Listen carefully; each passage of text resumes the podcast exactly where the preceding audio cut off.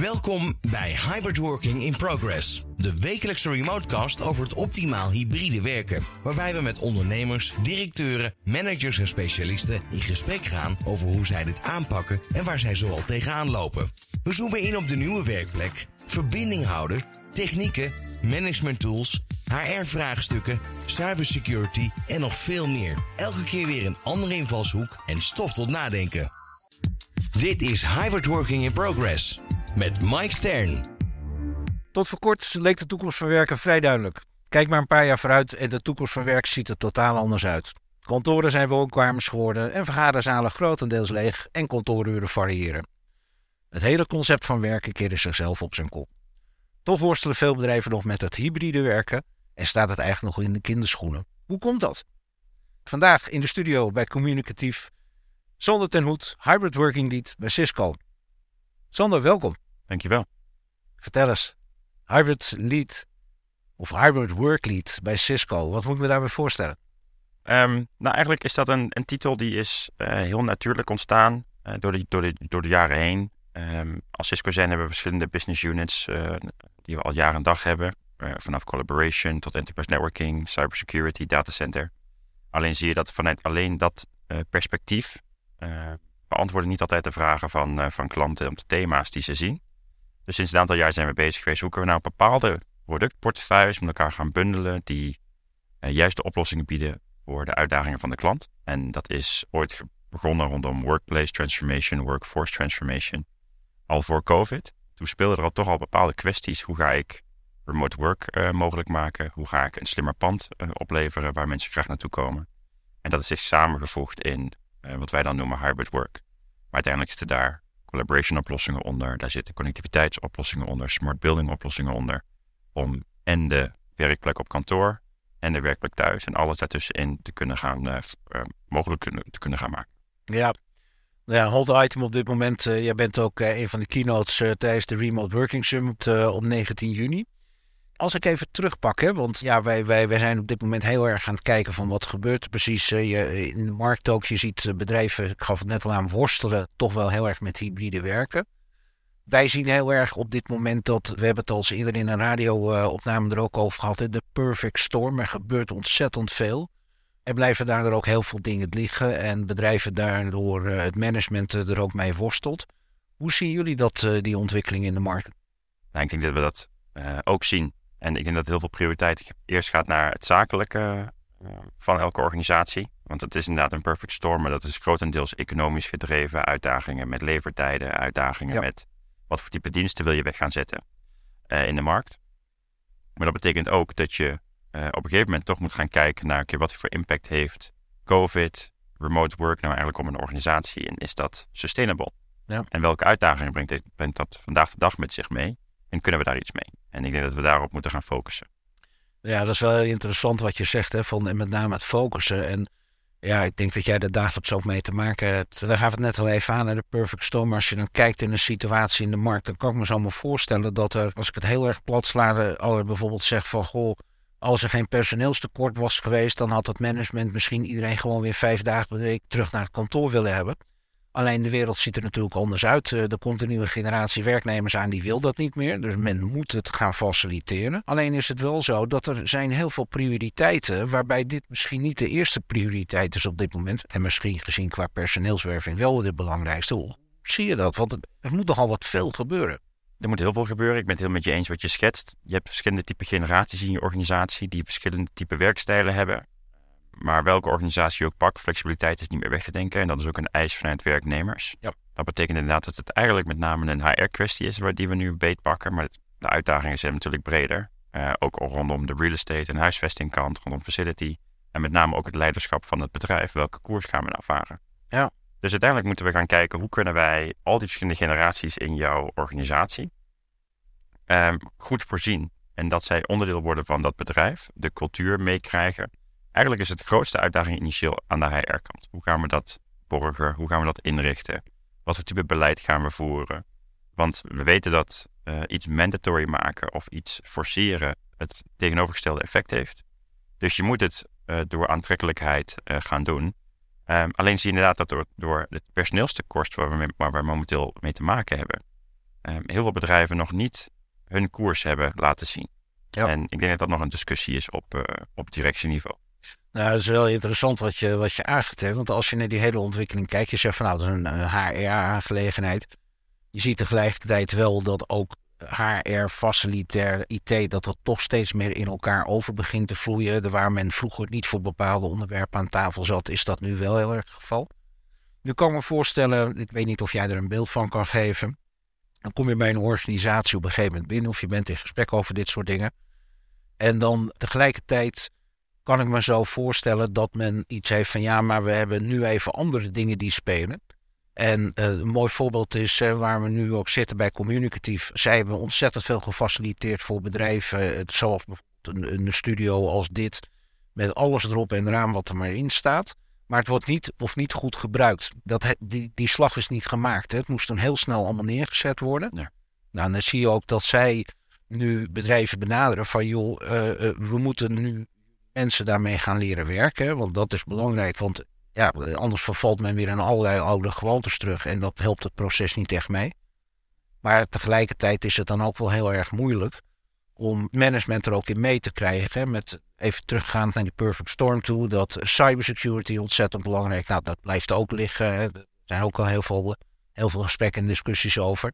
Hoe krijg je dat nou toch, laat ik het even goed zeggen, hoe krijg je het nou goed op de kaart in die boardroom, dat dat toch goed opgepakt gaat worden?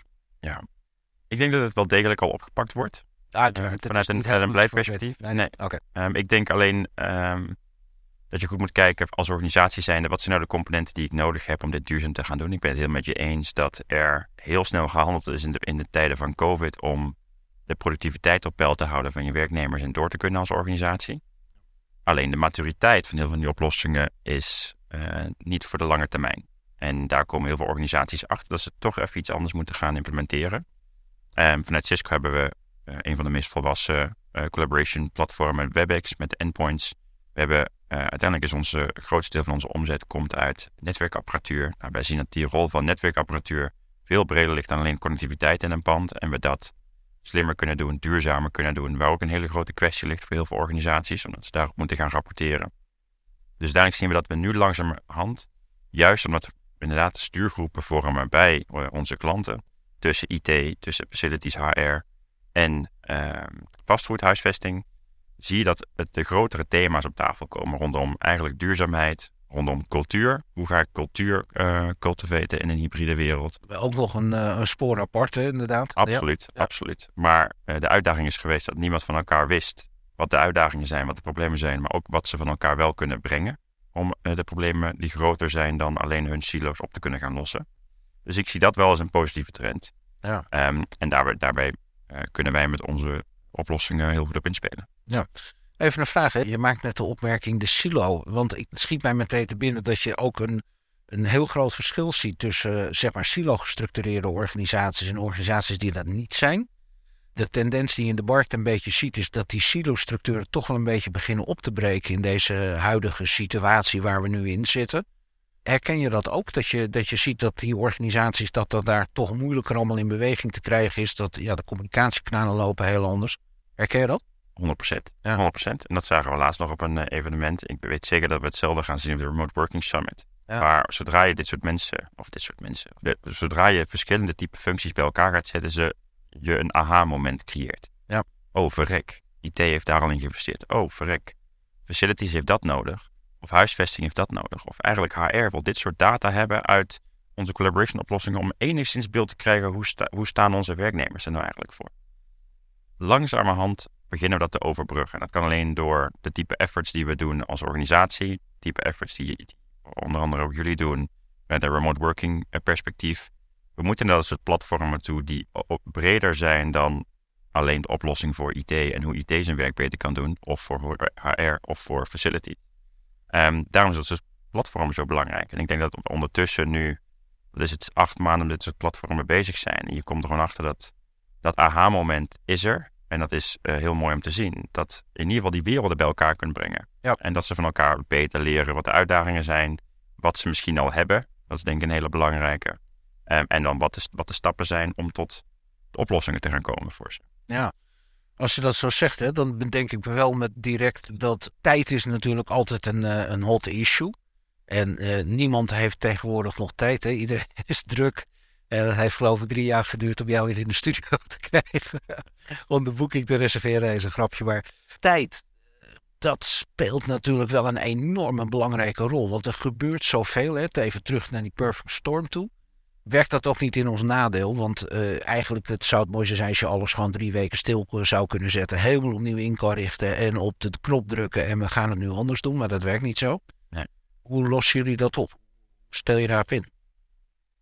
Vind ik een moeilijke. Hangt er enorm van de organisatie af en een type organisatie waar we het over hebben. Um, ik denk dat over het algemeen, zodra je een organisatie hebt waar de uitdagingen van elkaar bekend zijn, die tijd gemaakt wordt. En dat zien we nu heel goed terug bij verschillende aantal uh, organisaties. Zodra ze zien van elkaar, oh, we kunnen elkaar helpen om het grootste probleem wat je als organisatie tegenkomt op te lossen, dan wordt de, wordt de tijd gemaakt. Ik denk dat dat een, een mooie trend is. Alleen het kan alleen als je dat van elkaar weet. En dat is denk ik het moeilijkste om te doorbreken. Ja. Um, Plak ik er nog een element aan vast. Hè? De mens verandert moeilijk en langzaam. Mhm. Dat is een belangrijke factor, want wat ik net het voorbeeld gaf, hè, een, ruimte als dit, dat een soort uh, Galactica Battlestar in sommige gevallen wij zit bij bedrijven. En dan zie je gewoon dat als iets niet werkt of onduidelijk is, nou, dan gaan de laptops er allemaal op tafel. We doen het wel zoals we het altijd deden. Ja. Dat is nu wel een heel groot risico, want dat is niet alleen op managementniveau, maar dat is natuurlijk ook op uitvoerend niveau verder de organisatie in dat is wel heel erg moeilijk als je. Het houdt eigenlijk in dat je een verdomd goed dichtgetimmerd plan op een gegeven moment moet hebben. Om het ook in werking te zetten en iedereen ook mee te krijgen. Klopt dat? Dat uh, klopt. En dat houdt ook in, dan kom je uiteindelijk als eerste ook natuurlijk bij de werkvloer weer terecht. Van waar liggen de behoeftes? Hè? Want dat wordt ook wel vergeten. Dat oké, okay, eh, we gaan dingen inzetten, maar we gaan niet meer terugkijken van wat speelt er eigenlijk precies.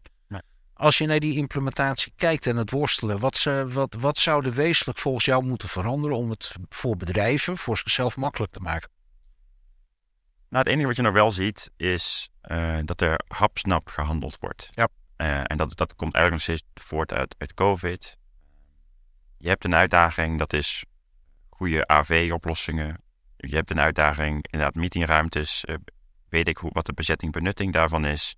Ehm, hoe wordt mijn pand gebruikt? Hoe worden thuiswerkplekken gebruikt? Inderdaad, wat voor data geven de werknemers zelf door surveys? We hebben recentelijk nog een globale employee survey gedaan onder uh, alle 120.000 of 100.000 werknemers. Wat is nou, wat zijn de karakteristieken die bij ons, bij, bij Cisco zelf? om te gaan kijken, wat, wat zoeken jullie nou? En we hebben natuurlijk een heel goed beeld waar is technologie tot in staat.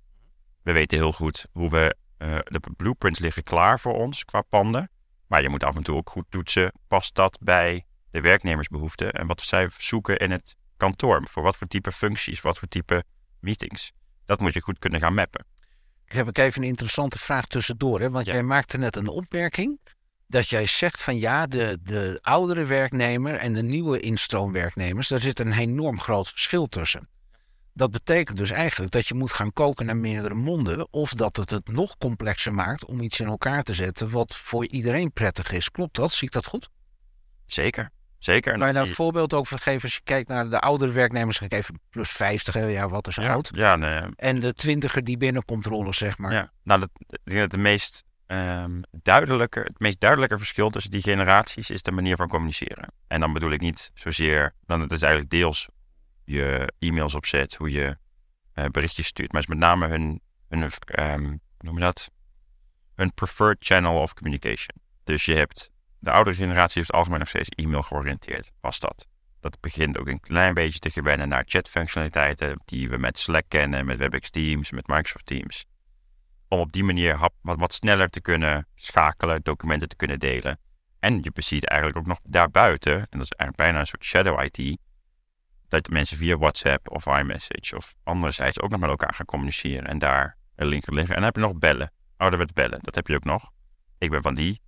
Ik, ik hou ervan om even gewoon iemand te bellen en even de tone of voice snel te horen en te kunnen schakelen.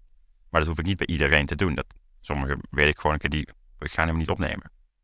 Dus je ziet enorm veel verschillen tussen die generaties door hoe zij gewend zijn geraakt te communiceren.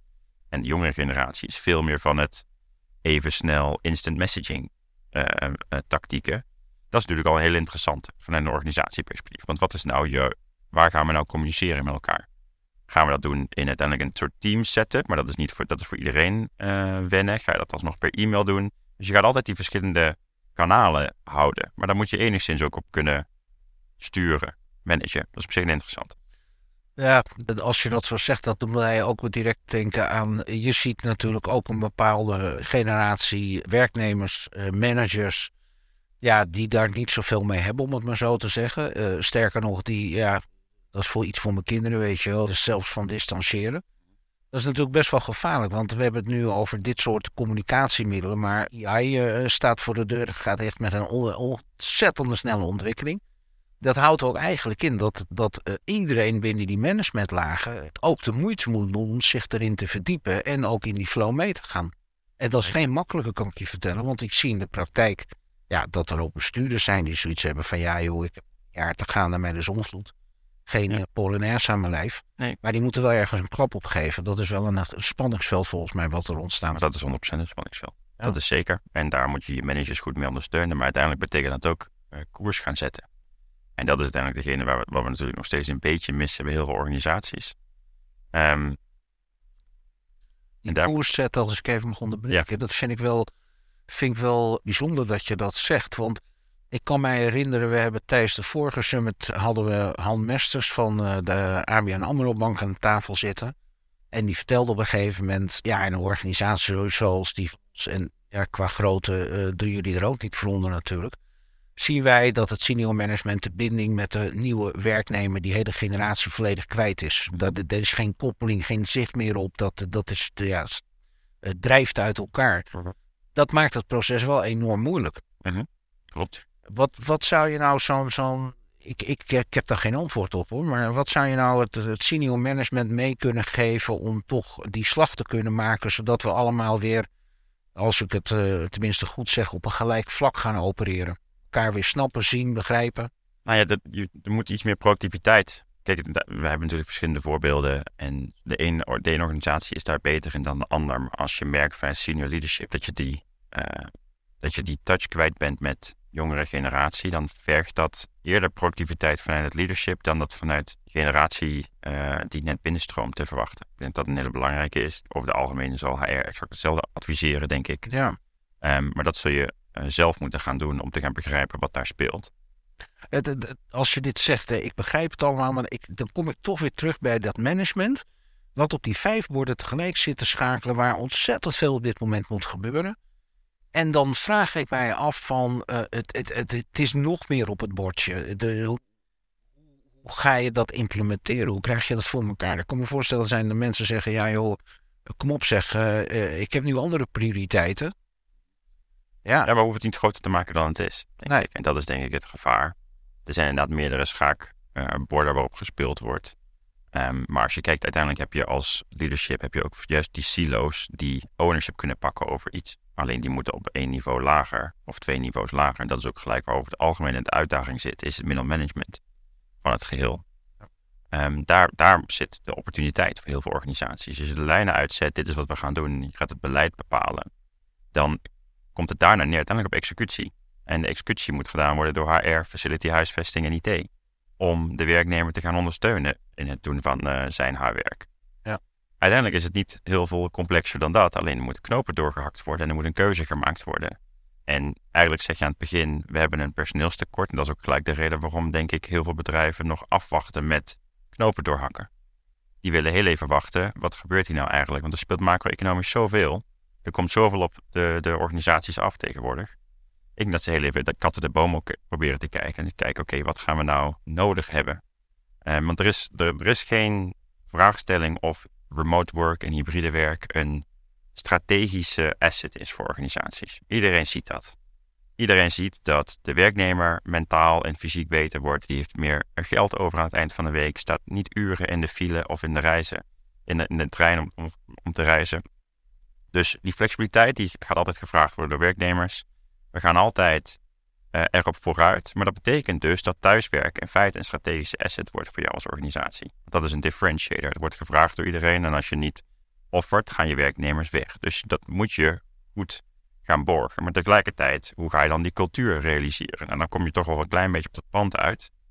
Uiteindelijk is het daar ook niet heel moeilijk. Daar is, daar is juist de hele business case best wel groot. Ik vastgoed is na de cost of goods en na HR de derde kostenpost voor elke organisatie.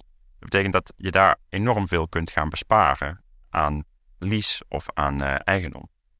En dat kunt gaan herinvesteren. Dat is ook wel, ja, dat zie je ook wel gebeuren. Er zijn natuurlijk ook uh, allerlei slimme tools nu op de markt, hoe je kantoren beter kan inrichten. Ja. Thuisverzorgs.nl die schiet al in op de business-to-business markt, omdat er heel veel kantines of restaurants, bedrijfsrestaurants gesloten zijn. Ja. Even terugkomend, uh, Sander, op hetgeen wat jij net zegt. Hè? Als je zegt van de bedrijven de kat uit de boom kijken. Um, dat is natuurlijk wel een, een punt wat, wat van aandacht. Omdat enerzijds zie je dat eigenlijk hè, met de hele situatie waar we in terecht zijn gekomen. en bij heel veel bedrijven het voor zich uitgeschoven. Van nou ja, naar de lente is het dan normaal. Naar de winter en zo ging het maar door.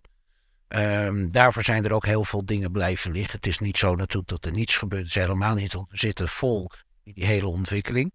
Alleen doordat het vooruitgeschoven is en nu men de kat uit de boom aan het kijken is, uh, verandert daar niet heel erg veel. En moet het eigenlijk nog van de grond komen, als ik het zo uh, uit je woorden begrijp. Althans, goed van de grond komen.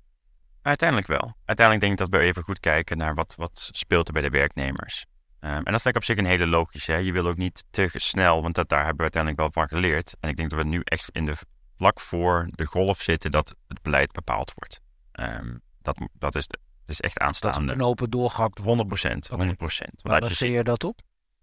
Baseer ik me op eigenlijk de stilte voor de storm die we zien. Okay. Dus uh, er zijn heel veel, uh, of heel veel, er zijn een aantal organisaties geweest die zijn snel geweest in handelen. Dat zie je bij Apple, dat zie je bij Goldman Sachs. Er zijn verschillende organisaties, en ik noem even de Amerikaanse, maar er zijn andere voorbeelden. Die hebben op een gegeven moment een bepaald beleid uitgezet. En dat, is het, dat is, heeft een averechts effect gehad. Je hebt, die, die zijn uh, talent weg uh, kwijtgeraakt, die zijn personeel verloren. Um, dus uiteindelijk is het daarna stilgevallen en dacht iedereen, oeh, we gaan heel even wachten. Het heeft geen zin om nu te snel naar dingen te gaan roepen of een beleid te gaan bepalen. En dat is toch al een paar maanden dat het wat stiller is, dat mensen zoekende zijn. Wat is er allemaal mogelijk? Heel veel organisaties zijn rond gaan vragen, onder andere bij Cisco, om te kijken wat speelt bij jullie, hoe pakken jullie dit aan? Uh, leren van elkaar, vanuit ook onze HR-teams en onze huisvestingteams, kijken wij naar dat soort zaken. Dus ik denk dat, dat, dat er nu heel veel inwinning is geweest in de afgelopen maanden vanuit al die organisaties voordat ze nu een uh, beleid gaan bepalen. Nou, dat is ook wel interessant, want het is ook een van de redenen van de Remote Working Summit van ja, waarom het willen opnieuw uitvinden. Hè? Want er is al heel veel bekend, er is onderzoek gedaan. Je kan van elkaar leren, heel belangrijk. Jij vertelde net, jullie hebben zelf eh, binnen Cisco uh, op uh, 130.000 medewerkers ook een aantal onderzoeken gedaan. Mm -hmm. Zie jullie een groot verschil per land of continent dat daar wezenlijke verschillen zijn tussen uh, hoe de situatie is? Ja, mensen zijn allemaal anders natuurlijk, maar is daar, is daar een, is er een bepaalde verband in te zien of een correlatie of wat dan ook? Nee, dat valt wel mee. We doen twee typen studies. Eén is rondom het thuiswerken en wat voor benefits heeft dat. Daar zie je wel verschillen, maar dat heeft met name te maken aan de cultuur in dat land rondom hoe, hoe reis je naar werk en uh, dat soort zaken. Daarna heb je verschillende typen benefits op mentaal, fysiek vlak dan in andere landen. Dat is op zich een leuke benchmark om te bekijken. Als je kijkt naar onze eigen, uh, dan is we, we, we, slaan natuurlijk als, als multinational alles plat. Het is in Spanje exact dezelfde setup als uh, in Amsterdam of in uh, New York, of in Australië, of in China.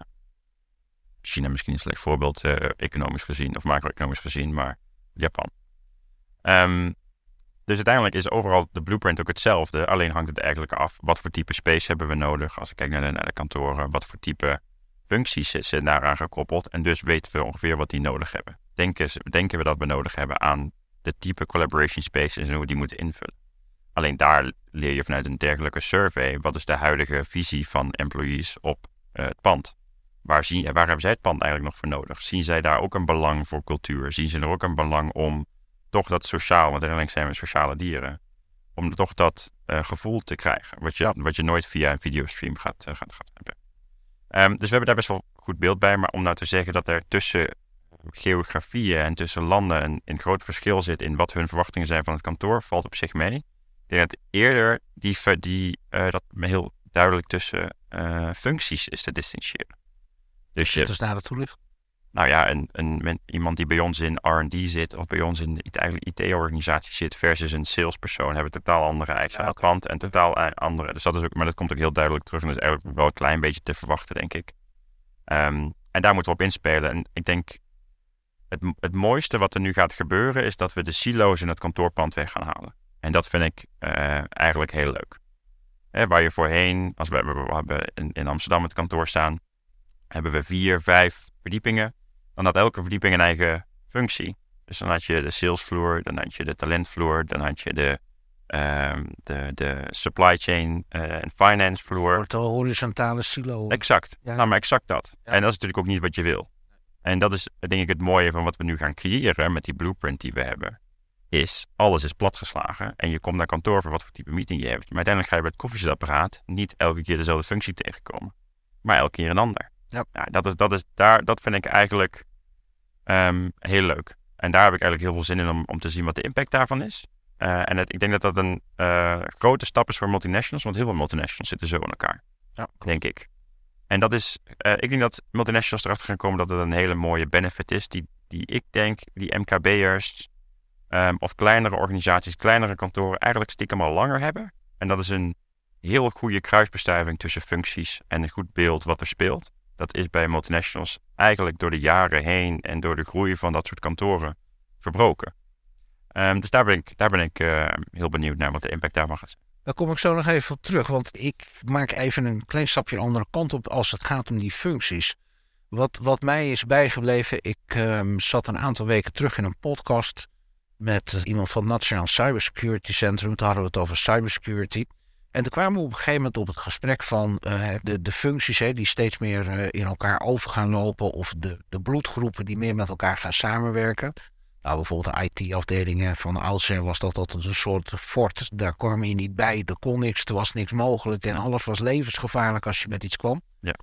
Dan kom ik even bij sales en dan kom ik bij inkoop. Mm En toen kwam de case naar voren toe. Wat ik ook een hele mooie vond, uh, hoe je ziet hoe dingen in elkaar over gaan lopen.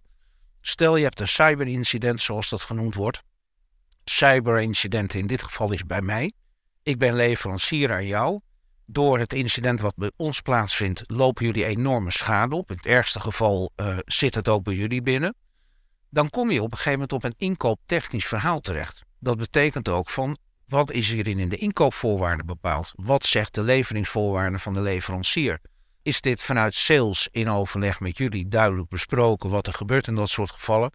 En dan zie je in één keer een dwarsverband dat je denkt van ja, weet je, gaat dat niet te ver. Maar eigenlijk is dat wel wat er nu aan het gebeuren is. Het grijpt op alle ondenkbare vlakken over allerlei verschillende afdelingen eigenlijk in elkaar. En ik gebruik het even als voorbeeld. Want ik vind het wel interessant wat jij uh, vertelt. Uh, als ik het goed begrijp, is eigenlijk wat jullie als onderzoekers multinational hebben gedaan. Dat jullie dat delen met de markt, die kennis. Nou, de, de, interne, de interne employee niet. Dus ik vertel het niet in de podcast, maar we hebben dat niet als... Ja, in de hoofdlijnen zeker. De hybrid work studie doen we wel elk jaar stevast om te kijken wat de impact is en, en hoe mensen mentaal de, ervoor staan thuis. Um, en wat voor impact die flexibiliteit heeft. En die flexibiliteit, dat wil iedereen, maar wat daar zit... Um, we waren benieuwd wat de impact daarvan is. Positief of negatief? Nee, je blijkt positief te zijn. Um, want iedereen die is, uh, wordt hartstikke vrolijk en die wordt fitter. Um, uh, en vitaler van thuiswerken. We worden er niet slechter van, dat is wel duidelijk. Nou ja, exact. Maar ik denk dat op langere termijn moet je wel zorgen dat je daar enigszins een beleid op gaat voeren en gaat kijken hoe zorgen we nou dat de betrokkenheid bij, het bij de organisatie hoog is. Dat is denk ik het soort van eh, management ook heel vaak, de, de, binding, ja. het onboorden, ja. verbinding staan, verbinding houden, you name it. Ja, en ik denk dat de grote vraag eigenlijk gaat zijn, um, of waarschijnlijk al is op dat niveau, tot hoeverre is binding mogelijk met de generatie die nu de, uh, de, de, de werknemersmarkt opkomt, waar dat van oudere generaties hoger was. Oh, dat vind ik interessant wat je zegt, want dat geeft eigenlijk aan dat de manier van binding houden. Ik kom bij een bedrijf binnen, ik loop daar drie maanden rond, ik heb al heel veel mensen gezien, komt in een, in een kantine of bij het koffieapparaat tegen. Ja geeft iedereen even een keer een hand. Gooi, hoe gaat het? Bevalt het hier? Dat we eigenlijk een beetje er naartoe moeten groeien dat dat soort uh, slagroom heen niet per definitie een succesfactor hoeft te zijn, maar dat er dus een andere manier van werk aankomt. Dat denk ik. Contacten, denk ik. hoeveel je, ja, ja, Ja. je ook wilt. Kijk, het concept jobhopper bestond 40 jaar geleden niet. Nee. Dus je hebt te maken met een totaal ander type werknemer die ehm, geen uit, je hebt te maken met een generatie die over het algemeen geen hele grote uitdaging heeft gehad. Daar bedoel je ook dan mee om wat vroeger de job for life was. Hè? Mensen die je hele leven bij de hoog zaten Ja. of wat dan ook. Maar die, die kregen, die kregen eh, alle kansen, waren loyaal naar een organisatie toe. Zaten ook doorgroeimodel in. Exact, Ja, ja. exact. Maar wat jij eigenlijk zegt, zou je kunnen zeggen van... ja, oké, beste werknemer, hou er rekening mee. Eh, die nieuwe generatie die nu binnenkomt, die, eh, je hebt ze twee, misschien drie jaar aan boord... en dan zijn ze er gewoon niet meer. Nou ja, de vraag is eigenlijk anders. De vraag is, hoe hou je ze wel langer als twee, drie jaar? Ja, zo kan je het ook... in. Want uiteindelijk is het wel je talent. Ja. En je hebt daarin geïnvesteerd, misschien door een graduate programma, door weet ik veel wat je, wat, je, wat je hebt gedaan, om die mensen op te leiden en mee te nemen in de visie hoe jij als organisatie, en dat doen wij als Cisco zijn natuurlijk ook, hoe, Ja. hoe kijkt Cisco naar de wereld? En wat voor type profielen hebben wij nodig? En daar, daar, wordt op ehm gezocht en opgeleid. Maar als je daarin hebt geïnvesteerd en ze zijn na twee, drie jaar niet meer helemaal happy met wat jij te bieden hebt als werkgever, dat is natuurlijk een lastige kwestie. Hoe ga je daarop inspelen? Ik denk dat het alleen nog maar erger gaat worden. Als je kijkt naar hoeveel prikkels de jongere generatie nu al heeft. En volgens mij zag ik iets dat een kwart van de baby's al meer dan twee uur op een tablet zit. Er zijn zoveel prikkels. Ja. Ah, die had ik nog... Nou, dat is vanochtend, volgens mij vanochtend. kwam Baby's, heb je het over? Baby's, ja. Dus dat is de generatie Geen over... peuters, over- maar baby's. Nee, baby's. Baby's, moet je nagaan. Dus over 18 jaar komen die, nou goed, laat ik hem iets breder zetten, 25 jaar, komen die de werknemersmarkt op. Die hebben totaal andere, Ja, ja. andere eisen en visie op de wereld. Afhankelijk van hoe de wereld er tussen nu en dan natuurlijk uitziet. En misschien hebben we nog wel een wereldoorlog, je weet niet wat er allemaal gaat gebeuren. Dan wordt gelijk de generatie namelijk al anders en worden dingen in context gezet, denk ik. Of in perspectief. Ehm, maar hoe dan ook, vandaag de dag heb je generatiekloven. En die hebben totaal andere karaktereigenschappen, totaal andere manier van werken. En hoe blijf je die prikkelen, hoe blijf je die bij je organisatie houden? Eh, en ik denk dat op zich het best wel duidelijk is hoe je dat kunt doen. Of nee, ik moet hem anders zetten. Wat ze zoeken. En ze zoeken eigenlijk elke keer nieuwe prikkels. Maar hoe ga je dat, ehm, hoe ga je dat kunnen voorzien als organisatie? En zit daar een oneindig aan? Ehm, dat vind ik een hele interessante kwestie vanuit HR-perspectief. Super interessant. Nou, daar kunnen we nog uren over praten, denk ik. Brengt mij ook meteen op het punt. eh, jij bent een van de keynotes eh, tijdens de summit op eh, 19 juni, het Ja. Museum voor Beeld en Geluid het Mediapark. Zou jij ehm, een tipje van de sluier op willen lichten wat je die dag met de deelnemers gaat delen? Zeker, dat gaat met name Cisco en Cisco zijn. Ik denk dat ehm, heel veel organisaties daar nogmaals nog steeds behoefte aan hebben. Om te leren hoe andere bedrijven daarnaar kijken. En ik ga dat vanuit Cisco zelf doen, vanuit ons eigen HR-team, vanuit ons eigen vastgoedteam. Hoe kijken wij globaal gezien naar onze workforce? Wat voor type eisen heeft onze workforce? En hoe gaan we daar ons best in doen om daarin te faciliteren? Of het nou thuis is, op kantoor of daartussenin. Hoop takeaways dus. Zeker hoop takeaways. En dat is al per eh, bezoeker verschillen wat de takeaways eh, zijn. Dat hangt af van welke fase ze, in zitten. Maar eh, daar gaan wij ons verhaal omheen hangen. Nou ja, welke fase ze zitten is het inderdaad wel interessant. Want je gaat enerzijds vanuit de paneldiscussies daar in discussie met de panels in, over de zeven kennis-items die we hebben. Je hebt een keynote sessie, maar voor de echte diehards eh, is er ook nog een seminar wat eh, mensen die dag kunnen volgen. Dus je kan zo diep gaan als dat je wilt. Perfect. Ja, leuk. Laatste puntje eventjes. Terug naar het, eh, even het onderwerp waar we het net over hadden. Andere type mensen die instromen, totaal veranderde situatie, andere manier van communiceren, andere behoeftes. Als management daarop inspelen, betekent enerzijds dat het management eh, zich toch heel goed moet verdiepen in wat gebeurt er precies in de markt. En inderdaad, hoe doen anderen dat? Hoe kunnen die mij daarbij helpen? Even voor deze, voor deze remotecast een snelle takeaway. Als jij een tip aan het management mag geven op dit moment, eh, wat zou je de luisteraar nog mee willen geven? Zou ik zeggen, kijk bij je eigen organisatie. Er zijn natuurlijk tal van consultancies die op verschillende niveaus voor je, jouw or- organisatie of voor type functie. En je hebt natuurlijk de BCG's, de McKinsey's, die zijn heel goed in hybrid work overzichten. Dat is een goed beeld, maar match dat en valideer dat met je eigen organisatie. En, en ik zou dat toetsen. Ehm, ik denk dat dat het belangrijkste is. Nou, kort samengevat, er valt er dus veel te ontdekken. Sander, ontzettend bedankt voor jouw komst naar de studio. En we zien en horen graag meer de 19e tijdens de Remote Zeker. Summit. Zeker. Dankjewel. Alsjeblieft. Leuk dat je weer hebt geluisterd. En volgende week zijn we weer met een nieuwe Remotecast. Heb je een aflevering gemist? Of wil je zelf deelnemen aan onze live events en netwerken? Kijk dan voor meer informatie op remoteworkingsummit.nl. Deze Remotecast wordt mede mogelijk gemaakt door Communicatief.